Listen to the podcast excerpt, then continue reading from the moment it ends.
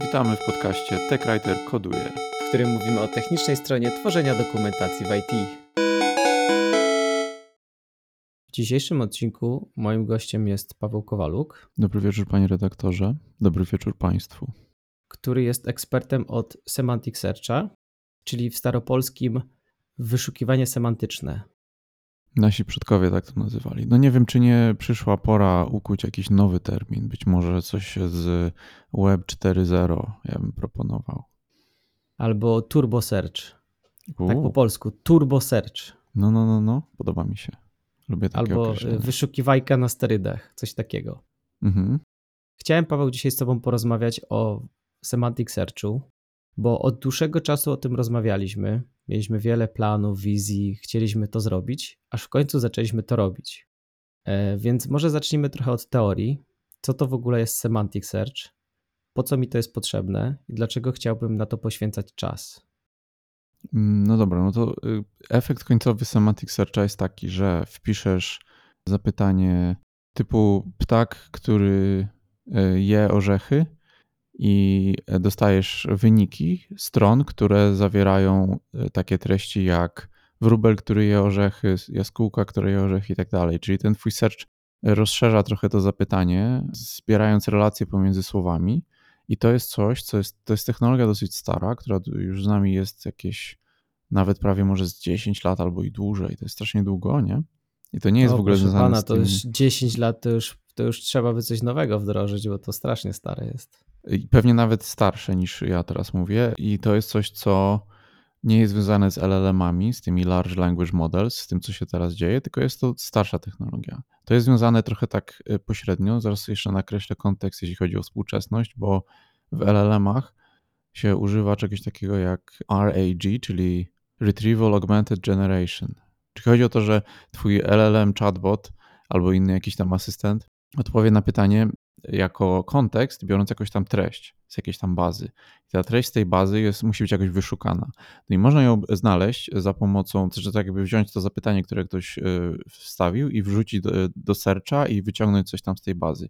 Jeśli zrobisz keyword-based search, taki po prostu, że słowa, które są w zapytaniu muszą się pojawić w wynikach, albo ich synonimy, albo jakieś tam inne formy gramatyczne tych słów, no to dostaniesz jakiś tam zestaw wyników. Natomiast jak zrobisz ten semantic search, który poszerza rozumienie tego zdania odrobinę, no to dostaniesz lepsze wyniki. Takie jest założenie przynajmniej. I wtedy to przekazujesz do kontekstu dla LLM-a. LLM sam z siebie nie jest dobry do wyszukiwania, co wiemy y, z praktyki, prawda? Nie jest w ogóle dobry y, w, do zastosowań jakichś takich bardziej precyzyjnych. Natomiast ten semantic search stwarza kontekst dla niego, czyli daje mu jakbyś taki parę dokumentów, które mówi mu spójrz w te dokumenty i udziel odpowiedź w kontekście tych dokumentów, które ci daje, jakichś tam fragmentów artykułów, czy jakichś tam fragmentów naszych stron z dokumentacją. Więc ten semantic search w tym wypadku będzie służył jako takie szybsze znajdowanie. Natomiast przez lata, zanim powstały LLM-y i asystenty, ludzie mogli korzystać bezpośrednio z wyników semantycznego wyszukiwania.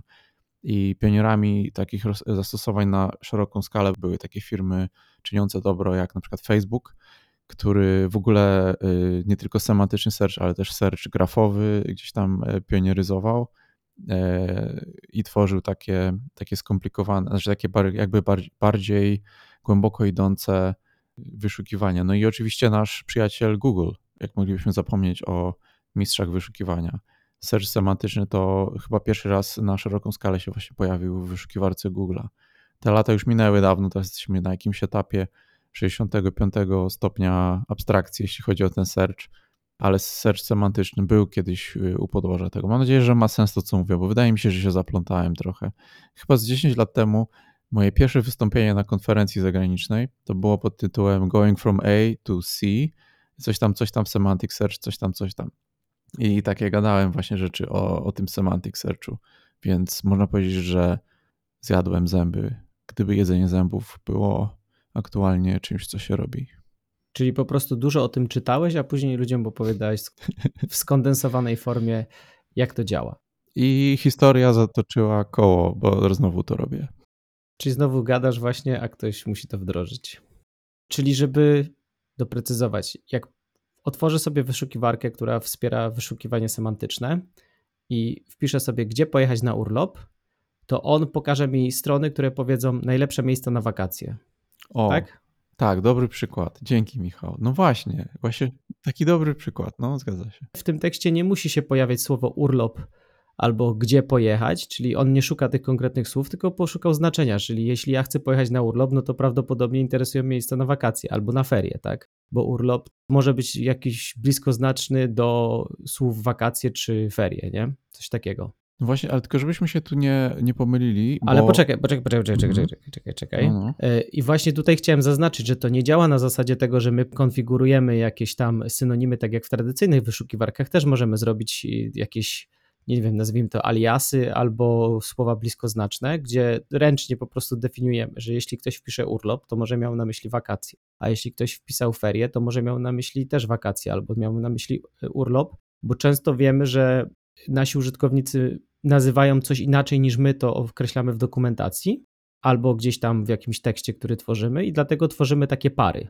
Ale Semantic Search nie działa na takiej zasadzie. On po prostu jest wyszkolony na jakimś modelu i ten model, przez to, że ma ileś tam danych wsadowych, rozumie, że pewne zdania są podobne do siebie albo że znaczenia są podobne do siebie. Tak? Dobrze rozumiem?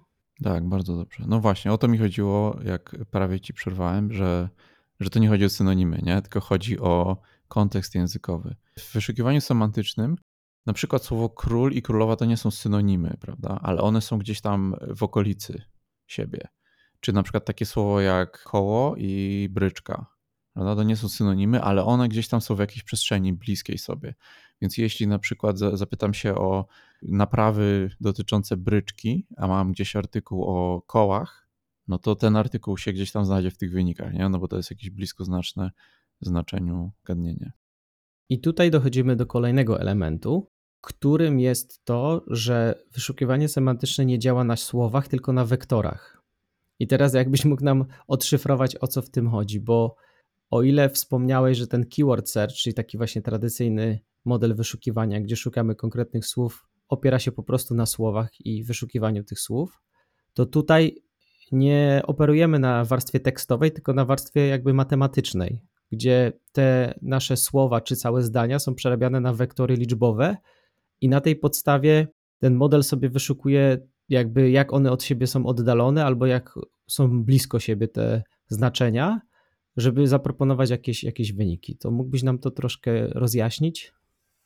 Spróbuję, bo wydaje mi się, że mam to w miarę jasne ja w głowie. Tylko ciężko jest mówić o takich wielowymiarowych przestrzeniach, e, jeśli żyjemy całe życie w przestrzeni, e, która ma zaledwie sześć wymiarów. Ja bym nie chciał, żebyś tutaj nam zrobił, wiesz, wykład na temat wektorów. Zrób mi takie skondensowane podsumowanie tego właśnie, czym są wektory, żebyśmy mniej więcej rozumieli o co chodzi, bo to nie chodzi o to, żeby tutaj wchodzić w szczegóły, tylko żebyśmy mieli takie ogólne zrozumienie tematu. Okej, okay, no to jakbym chciał sobie zbudować taką listę słów, które są podobne, tak jak na przykład król, królowa, e, paś, e, albo na przykład, nie wiem, bryczka, koło, dyszel, koń, no to musiałbym sobie zrobić takie listy słów, takie długie listy, nie? I na przykład sprawdzić, czy słowo jest na tej liście, czy nie jest. To jest mało wydajne, jeśli chodzi o takie ogromne operacje językowe, gdzie nie mogę przewidzieć, jakich słów będę potrzebował. Więc, e, żeby uprościć słowa, to się te słowa zapisuje w postaciach liczbowych i żeby nie powtarzać ich na listach, no to się te liczby, którymi się opisuje te słowa, się tak układa, żeby one były w przestrzeni takiej wielowymiarowej umiejscowione blisko siebie. To znaczy, żeby jeżeli to słowo koło ma być blisko słowa bryczka, no to jakiś tam jeden z tych wymiarów wektoru musi być bliski ten konkretny wymiar. 69 wymiar słowa koło musi być bliski 69 wymiarowi słowa bryczka, ale też i samochód, żeby one się jakoś gdzieś tam znalazły. Tak upraszczam, tak bardzo upraszczam tą rzecz. Czyli jeżeli przeczeszemy duży jakiś tekst, no to e, za pomocą skomplikowanej matematyki każde słowo zamienimy na taką listę liczb, to są jakieś tam liczby od 0 do 1 albo od, od 0 do 2 albo coś tam, jakaś taka liczba taka y, z ułamkami. I w zależności od tego, jak skomplikowany jest ten model, to tyle tych liczb będzie w każdym wektorze. Y, czyli w wektorze każdego słowa, każdego. Właściwie nie mówi się też o słowach, tylko o tokenach. Y, tak się to zwykle robi, że się tokenizuje ten tekst, czy się dzieli go na jakieś części, które niekoniecznie się pokrywają ze słowami gramatycznymi. No ale to jest jakby poboczna sprawa. W każdym razie tekst zamieniamy na te przestrzenie. Nie, nie jeden tekst, ale wiele tekstów, które tworzą nasz model językowy. Ten model językowy wtedy nabiera takiej umiejętności porównywania następnego tekstu z tym, co dostaje. I jest takie zadanie jak e, klasyfikacja, to znaczy, czy na przykład to słowo to jest rzeczownik. E, no i możemy za pomocą e, tych wektorów porównywać z innymi rzeczownikami. Natomiast zadanie, które my rozwiązujemy, to jest semantic search, czyli czy to słowo jest podobne. To znaczy, że w przestrzeni jakiejś geometrycznej to słowo jest blisko drugiego słowa. I wtedy z całej tej frazy możemy ułożyć takie odpowiedź na pytanie, czy ta fraza pytająca jest blisko tego tekstu odpowiadającego. Co możesz sobie wyobrazić jako taki magiczny wąż, który się porusza w magicznej trawie. I jeżeli ta trawa e, w momencie, jak on się porusza, wyda przyjemny dźwięk, to znaczy, że jesteśmy tam, gdzie trzeba i zwracamy wynik. Mam nadzieję, że wyjaśniłem. Myślę, że na potrzeby naszej rozmowy wystarczy. Jeśli ktoś chciałby wskoczyć w to głębiej i zakopać się po uszy, to jeszcze są takie rzeczy jak dense vector, sparse vector i różne takie inne pojęcia związane w ogóle z wektorami, y, wymiary, bo różne modele mają różne wymiary, więc to jest coś, czego ja do końca jeszcze nie rozumiem i myślę, że można na tym spędzić lata, żeby się wyspecjalizować, też doskonale zrozumieć to wszystko, co tam jest. Ale na potrzeby naszego dzisiejszego nagrania myślę, że tutaj możemy zostawić to wszystko. Więc mamy tak, y, wyjaśnione o co chodzi z semantic searchem, na jakiej zasadzie to mniej więcej działa. No i teraz pojawia się pytanie, jak się za to zabrać od strony praktycznej. Jest tutaj kilka elementów, które musimy mieć i które musimy poskładać do kupy, żeby to nam zaczęło jakoś działać. Może na początku wspomnimy o czymś takim jak model. Będzie nam potrzebny jakiś model, który pozwoli nam na właśnie przerobienie tego tekstu, który chcemy przeszukiwać, na te wektory. Bo to właśnie model wie, jak to zrobić, mniejsza o to, jak on wie, jak to zrobić. I my tutaj skorzystaliśmy na przykład w naszym wypadku z już modelu wytrenowanego przez kogoś tam na podstawie jakiegoś tam zestawu danych, więc wzięliśmy takiego gotowca. I takich gotowców jest tysiące, miliony, ciężko powiedzieć, ale takich modeli, również dostępnych właśnie za darmo, można znaleźć setki albo tysiące. Powiedz może, gdzie znaleźliśmy ten nasz model. Właśnie chciałem y, zarysować y, troszkę tak, mhm. na jakiej podstawie w ogóle wybrać model bo jest to ciężkie zadanie, bo tych modeli jest naprawdę dużo. Więc my poszliśmy takim kluczem, że poszukaliśmy modelu, który nadawałby się mniej więcej do semantic searcha, bo są takie klasyfikacje, gdzie ktoś stwierdza, że jest to model do tego zastosowania odpowiedni, ale nawet wewnątrz pewnej kategorii tych modeli jest kilka, albo kilkanaście, albo kilkadziesiąt, więc to jest jakby też trochę metoda próby i błędów, testowania czy tam doczytywania. My weszliśmy na stronę SBERT, na której znaleźliśmy modele już wytrenowane i tam była taka sekcja Semantic Search, która podała jakby jakieś tam przykłady modeli, z których można korzystać i my sobie tam przeszukaliśmy tą listę, no i przyznam szczerze, że dość mocno randomowo wybraliśmy, o dobra, to niech będzie ten model, spróbujemy z tym, tak? No i później przeszliśmy na stronę Hugging Face.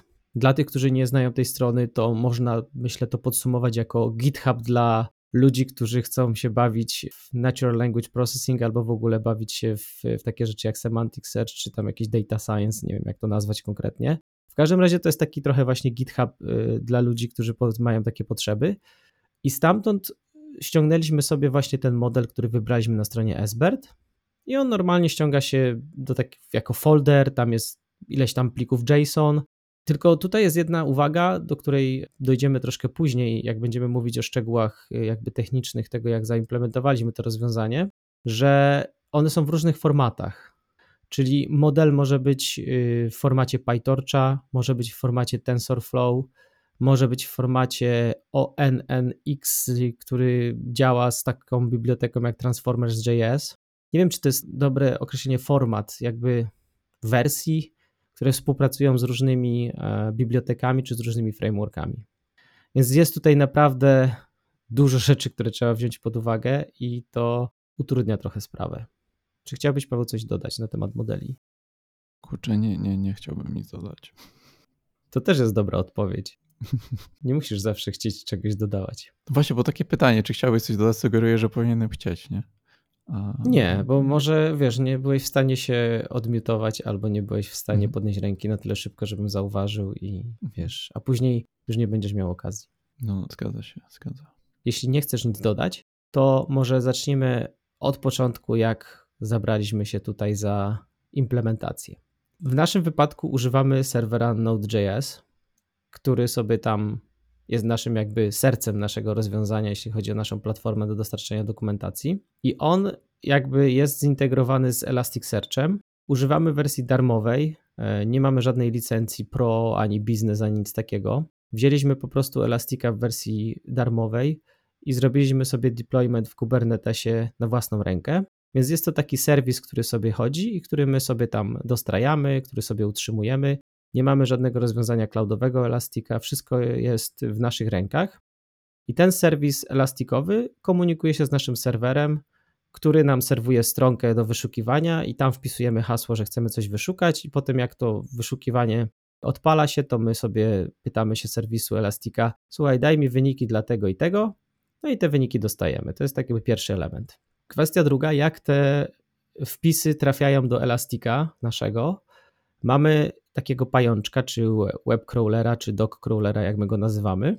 I ten dog crawler jest to aplikacja napisana w Pythonie, która przechodzi po wszystkich naszych dokumentach, jakie mamy dostępne, przegląda jakby zawartość każdego topiku, wyciąga z niego treść i później wrzuca nam do bazy właśnie takie wpisy, gdzie mówi, że pod tym adresem jest taki dokument, on ma taki tytuł, taki link, takie body, y, ma takie metadane i my sobie tworzymy taką bazę w Elastiku, gdzie przetrzymujemy te wszystkie dane, czyli po prostu tworzymy indeks dla naszej wyszukiwarki w taki sposób.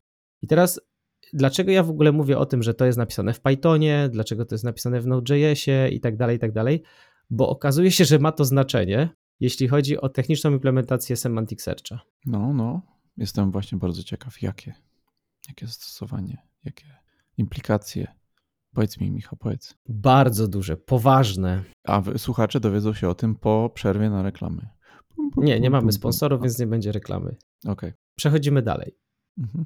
Dla mnie dużą trudnością było przejście od takiej teorii do tego, żeby odpalić właśnie taki semantic search w tym naszym setupie. I nie potrafiłem długi czas zrozumieć, co musi się wydarzyć, żeby to zaczęło działać i jakie tutaj są elementy składowe. Dlatego odpaliłem sobie YouTube'a jak każdy dobry y, deweloper. No może nie każdy. Nie wiem, z czego korzystają deweloperzy, może jakieś inne platformy. Czytają bardziej chyba, nie wiem. A może czytają. To może nie jestem y, jak każdy dobry deweloper. Może po prostu odpaliłem YouTube'a. Mhm, mhm. I zacząłem szukać jakichś tutoriali. I znalazłem taki tutorial, który nie opisywał, jak zaimplementować w moim środowisku, używając moich tam elementów, jakie posiadam, ale bardzo mocno rozjaśnił mi, co się musi stać, żeby ten semantic search zaczął działać. I mogę Wam go polecić, to jest Build Semantic Search with Elasticsearch and BERT Vector Embeddings. To jest autor Abid Saudagar. Ten tutorial trwa właściwie niecałe 40 minut i tam jest pokazane, jak e, za pomocą Jupyter Notebooka i Elastica lokalnie odpalonego zrobić sobie taki prosty semantic search. I tutaj bardzo dobrze, jakby taki wysoki poziom złapałem, gdzie ja zrozumiałem, co musi się wydarzyć. Więc podsumowując, co musi się wydarzyć? Po pierwsze, Elasticsearch musi mieć w swoim indeksie pola, które przechowują wektory, bo do tej pory dla zwykłej wyszukiwarki nasze pola przechowują tylko tekst. Czyli nasz title i body to jest jakby tekst, który został zebrany przez naszego pajączka z, z topików, więc musimy tam dołożyć jeszcze dodatkowe pola, czyli na przykład body vector i title vector, które jakby zamienią ten tekst na wektory, po to, żeby one sobie tam były i czekały właśnie na to, czy ktoś będzie chciał po nich wyszukiwać. To jest jakby pierwszy element. I drugi element, który tutaj się wyłonił, to był taki, że podczas wyszukiwania, gdzie my wysyłamy tekst wpisany przez użytkownika, również musimy zamienić na te wektory żeby nasz Elastic y, wiedział, co nam oddać, bo my pytamy o wektor, a nie pytamy o tekst. Więc jeśli chcemy używać wektorów, to musimy zarówno je wysyłać, jak i odbierać. Tak samo jak w przypadku tekstu. Więc tutaj tak jakby w dwóch miejscach to się musi zadziać. O Jezu, już się zmęczyłem. No, jest to męczące. Ja sobie wyobrażam, jak się nasi słuchacze męczą, jak tego słuchają. No. Ale dobrniemy do tego, dopłyniemy do końca tego jeziora i tam będzie skrzynia ze złotem. Tam będzie skrzynia ze złotem, tak jest. To znaczy, moim celem nie jest tutaj zanudzenie wszystkich e, jakąś tam e, opowieścią, tylko bardziej chciałbym ułatwić ludziom wejście w ten temat, bo sam wiem, ile zajęło mi to czasu, żeby właśnie zrozumieć te wszystkie elementy składowe, więc chciałem tak przejść po krok po kroku, co się musi zadzieć. Więc mając y, ten model i mając już zrozumienie tego, gdzie musimy sobie zakodować te pola i gdzie one się muszą pojawić, no to trzeba to zacząć robić, tak? Więc u nas pierwszym krokiem było właśnie wtłoczenie tych wektorów do Elastika, co zrobiliśmy w naszym pajączku napisanym w Pythonie. Więc dołożyliśmy taki krok w tym pajączku, który mówił, że jak zbierzesz sobie title i zbierzesz sobie to body, to weź to przerób na wektory i wpisz to do naszego Elastika, tak? Wcześniej jeszcze powiedzieliśmy Elastikowi w naszej konfiguracji, że słuchaj, chcemy dwa takie dodatkowe pola, one są typu dense vector, bo akurat w darmowej wersji Elastika to jest chyba jedyna dostępna opcja, więc musieliśmy tutaj e, dodać takie pole takiego typu, określić ile będzie miał wymiarów. I skąd wzięliśmy tą liczbę? Wzięliśmy tą liczbę z modelu, czyli model, który wybraliśmy, ma określoną liczbę wymiarów, więc użyliśmy takiej samej liczby wymiarów y, w polach elastikowych, żeby one się zgadzały, bo muszą się zgadzać, inaczej to nie będzie pasować. I po tym, jak ten nasz pajączek przechodzi sobie po tych dokumentach, on sobie dodaje te dwa dodatkowe pola i nasz indeks już posiada te pola wektorowe. I to jest jakby pierwszy krok. Jeszcze mhm. powiedziałeś, że zamienia y, ten tekst na wektory. I żeby tak łopatologicznie to wyłożyć, no to chodzi o to, że biblioteka, jest taka biblioteka w Pythonie, która weźmie ten model, który sobie wybraliśmy i za pomocą tego modelu wygeneruje wektory, które odpowiadają temu tekstowi. Czyli jeżeli body dokumentu to jest jakieś tam 500 słów, no to wygeneruje nam wektor, który będzie reprezentował to 500 słów. Zgadza się. Dobrze, że to doprecyzowałeś, bo właśnie do naszego pajączka musieliśmy dołożyć bibliotekę chyba Sentence Transformers, która sobie ten model ładuje, który my wybraliśmy, wykonuje enkodowanie do tych wektorów, tak? Więc y, bierze tekst i wypluwa nam wektory. To jest taki pierwszy krok. Ważną rzeczą jest też, y, żeby wspomnieć o wersji Elastica, bo o ile można tworzyć pola dense vector zarówno w wersji 7 jak i 8, to później jest problem taki, że w wersji 7 nie ma takiego wyszukiwania typu KNN, czyli K nearest neighbor, o ile dobrze pamiętam. Mm -hmm. Więc warto mieć wersję 8, bo inaczej dalsza część programu będzie bezużyteczna dla Was. Więc musieliśmy jakby podnieść wersję z 7 do 8, żeby to wszystko zaczęło działać. Więc pajączek nam przeszedł po wszystkim, wrzucił nam te pola zarówno tekstowe, jak i wektorowe do Elastika. Wcześniej sobie ustawiliśmy Elastika odpowiednio, więc mamy jakby taką bazę do tego, żeby zacząć robić semantic search. I to jest pierwszy element. I teraz musimy przejść na drugą stronę, czyli do naszego serwera, który nam wysyła jakby te pytania do Elastika. I tutaj musimy zrobić też coś podobnego, czyli musimy wziąć ten model i jakoś go podpiąć, żeby ten serwer był sobie w stanie go używać. No i tutaj właśnie się pojawiły takie małe problemiki. Może pamiętasz, Paweł, jakie to problemiki się pojawiły? Czy masz na myśli problemiki z importowaniem modułów e, JavaScriptowych w pliku typu common.js? Tak, ale one wynikały właśnie z tego, że wzięliśmy model, który był w formacie chyba PyTorch czy TensorFlow, już nie pamiętam dokładnie, Czyli ogólnie był przystosowany jakby do używania przez bibliotekę Pythonową i przez w ogóle w Pythonie, więc o ile nie mieliśmy problemu w naszym pajączku, że sobie go wrzuciliśmy, tak jak go ściągnęliśmy z Hugging Face i on go rozumiał i dopięliśmy tylko tą bibliotekę Sentence Transformers i wszystko działało, to w przypadku Node.jsa mieliśmy mały problem, bo jest taka biblioteka Transformers.js, która umożliwia jakby ładowanie modelu w Node.jsie, i używania go do właśnie wykonywania enkodowania albo innych typu tasków, bo tam tasków można wykonywać kilka, my akurat tylko ten jeden potrzebowaliśmy. I pojawił się zgrzyt na tej linii, że nasz model nie był w odpowiednim formacie, bo format, który przyjmuje Transformers.js, on jest jakiś, ja nie wiem jak to nazwać fachowo, ale on y, sprowadza się do takiego skrótu jak ONNX, o ile pamiętam, ale nie wiem co to znaczy dokładnie. W każdym razie chodziło o to, że musieliśmy wykonać skryptem transformację tego modelu z tego Pythonowego jakby formatu na ten, który rozumie Transformers.js, więc to był taki dodatkowy krok, który nam e, utrudnił sprawę, no ale udało się to w miarę łatwo zrobić gdzieś na stronie Hugging Face'a, znaleźliśmy taką informację, jak to zrobić. I po przetransformowaniu tego modelu dopiero mogliśmy zacząć używać. No a później się zaczęły inne schody, jak ładowanie modułów w Node.js i tak dalej. Nie chcę tutaj wchodzić w takie techniczne rzeczy, bo to nie ma takiego wielkiego znaczenia. Ważne w tym wszystkim jest to, że dopięliśmy sobie bibliotekę Transformers.js do Node.js'a, naszego serwera. I teraz mogliśmy przetransformowywać nasze zapytania, które były tekstowe, na te wektory. Więc teraz działa to tak, że jak użytkownik wpisuje słowo, jak zainstalować aplikację X, to my najpierw bierzemy sobie takie query w formie tekstowej, później je enkodujemy za pomocą tego samego modelu do wektora i wysyłamy jakby dwa rodzaje zapytania, właściwie to trzy. Jedno to jest typowy keyword search, więc zwracamy wyniki dla keyworda. Drugie dla porównania wysyłamy ten właśnie typ query KNN, który jest wspierany przez Elastica 8 i on używa właśnie wektorów, gdzie wysyłamy zapytanie i dostajemy y, właśnie wyniki wyszukiwania semantic search. A trzeci rodzaj wyszukiwania, jaki robimy, to jest hybrydowy, czyli łączymy zapytanie tekstowe z zapytaniem wektorowym i dostajemy tak jakby połączony wynik, który tam sobie jakoś Elasticsearch oblicza, wyważa i zwraca nam wyniki na podstawie tych jakby dwóch zapytań, tekstowego i wektorowego. I stworzyliśmy sobie taką prototypową stronę, gdzie mamy trzy kolumny i w pierwszej kolumnie mamy te tradycyjne wyniki, w środkowej mamy semantyczny search, a w ostatniej mamy ten hybrydowy, żeby sobie porównywać, jakie dostajemy wyniki wyszukiwania. Więc do takiego momentu właściwie doszliśmy na tą chwilę i to jest ok, ale jeszcze musimy teraz wymyślić, jak to sproduktyzować, czyli jak zrobić deployment do Kubernetesa, jak przechować ten model, żeby on był dostępny dla obydwu aplikacji. Musimy sobie tam e, potestować, czy ten model dobrze działa i tak dalej, i tak dalej. Jest jeszcze parę rzeczy, które nas czeka, ale lokalnie taki POC już mamy działający i jesteśmy bardzo zadowoleni, bo wreszcie coś praktycznego udało nam się osiągnąć po tylu latach gadania. No i będą jeszcze kroki dotyczące usprawniania tych wyników wyszukiwania. To znaczy, być może będziemy musieli wybrać inny model, być, może będziemy musieli jakoś tak y, doszkolić model albo fine-tunować ten model. Być może będziemy musieli jakieś tam parametry zmieniać jeszcze w tym elastiku, żeby zmieniać wagę tego czy tamtego, żeby to wyszukiwanie dawało coraz lepsze wyniki, ale e, myślę, że o tym to najlepiej opowiemy, jak już coś zrobimy więcej, prawda? czyli w tak zwanej przyszłości. Zgadza się.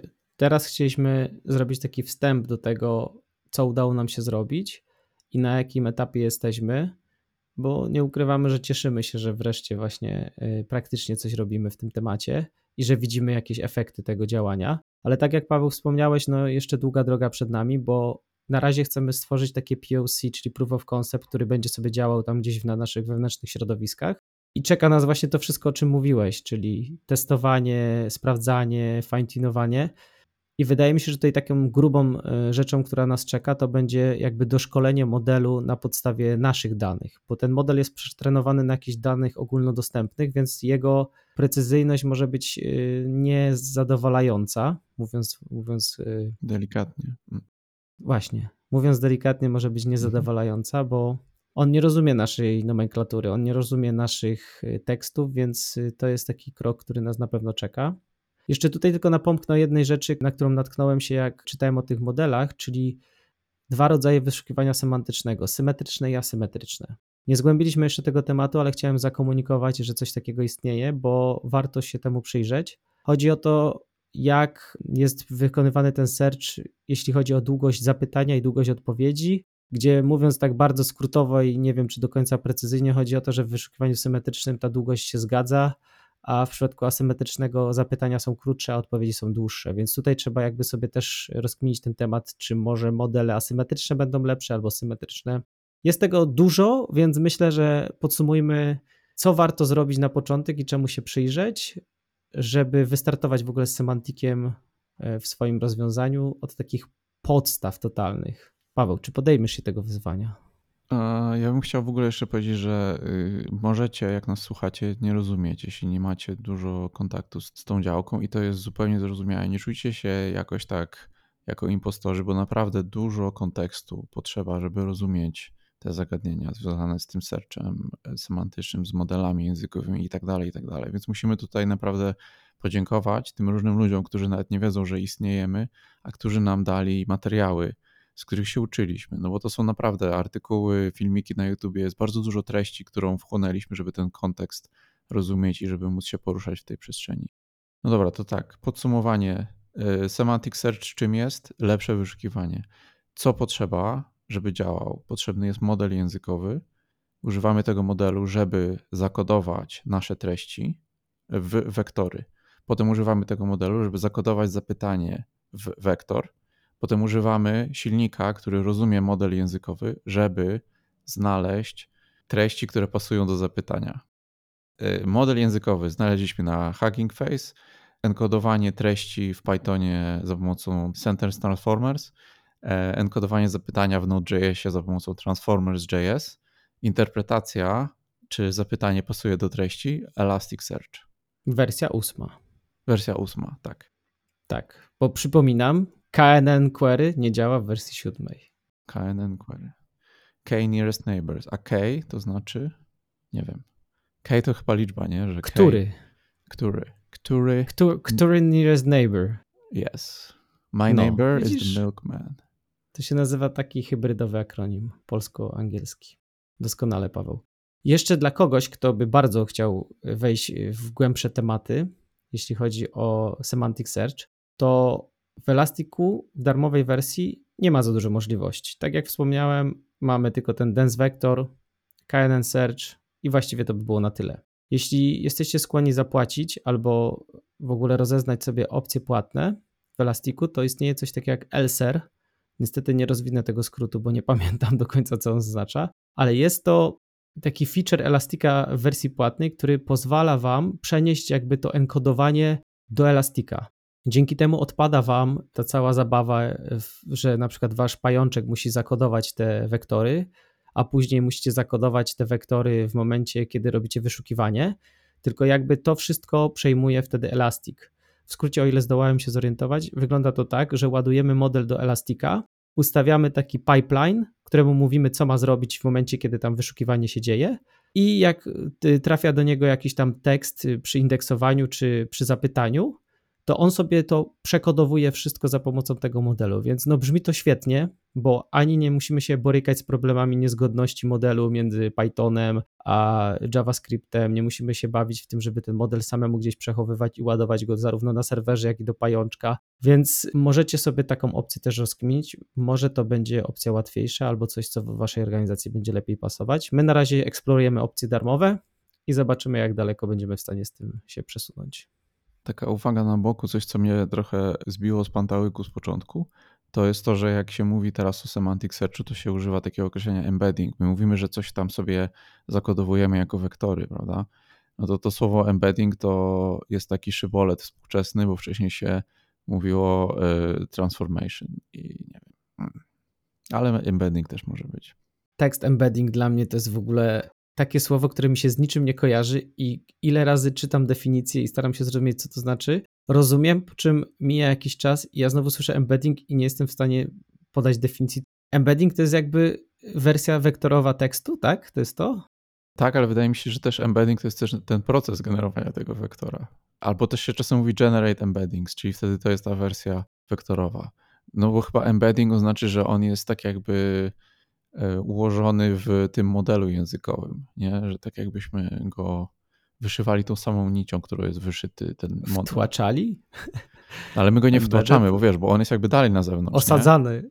No, ale go osadzania, osadzania? Nie wiem. No tylko, że my go nie osadzamy, w sensie, no właśnie, to jest dziwne, nie? Bo on nie jest y, no. w tym modelu, on nie ląduje w modelu, nie? Tylko on sobie jest obok, ale jest tak jakby tak zrobiony, żeby wyglądał jakby z tego modelu wyszedł, nie? Osadzony tak w ramach modelu. Osadzony w czym? Osadzony to ty będziesz, jak się zorientują, że nie wiesz, o czym mówisz. 12 lat dostaniesz za impostowanie. Ale widzisz, nasza rozmowa doskonale udowadnia to, co powiedziałeś, że nie musisz rozumieć do końca wszystkiego, żeby zacząć implementować, więc y, nie bójcie się, odpalajcie darmowe serwisy Docker Compose, czy jak to sobie tam lubicie robić, lokalnie na maszynie i wdrażajcie semantika. Paru prostych krokach może wam się uda to zrobić. Zróbcie sobie ten tutorial, o którym mówiłem, to jest fajna sprawa. Można nawet nic nie instalować, tylko mieć Jupyter Notebook. Tam gość pokazuje, jak od początku do końca zaimplementować sobie lokalnie taką prostą wyszukiwajkę na podstawie jakiegoś, jakiejś bazy produktów. I naprawdę to jest fajna zabawa, bo zobaczycie, że da się to jakoś zrobić w miarę sensownie i może to jest coś, co dałoby Wam przewagę, jeśli chodzi o wyszukiwanie. Nie wiem, dobra, głupoty już gadam. Możemy chyba skończyć. Tym optymistycznym akcentem możemy chyba skończyć, tak jak mówisz, Michał. Dziękuję, że byłeś moim gościem. Nie czekaj, to ja byłem twoim. To dziękuję, że byłem twoim gościem. Proszę, Paweł. Dziękuję ci, że dziękujesz mi, że byłeś moim gościem. Korzystając z okazji, chciałbym podziękować za to, że podziękowałeś mi, za to, że ja podziękowałem tobie. Dobra, no to dzięki i do usłyszenia. Do usłyszenia.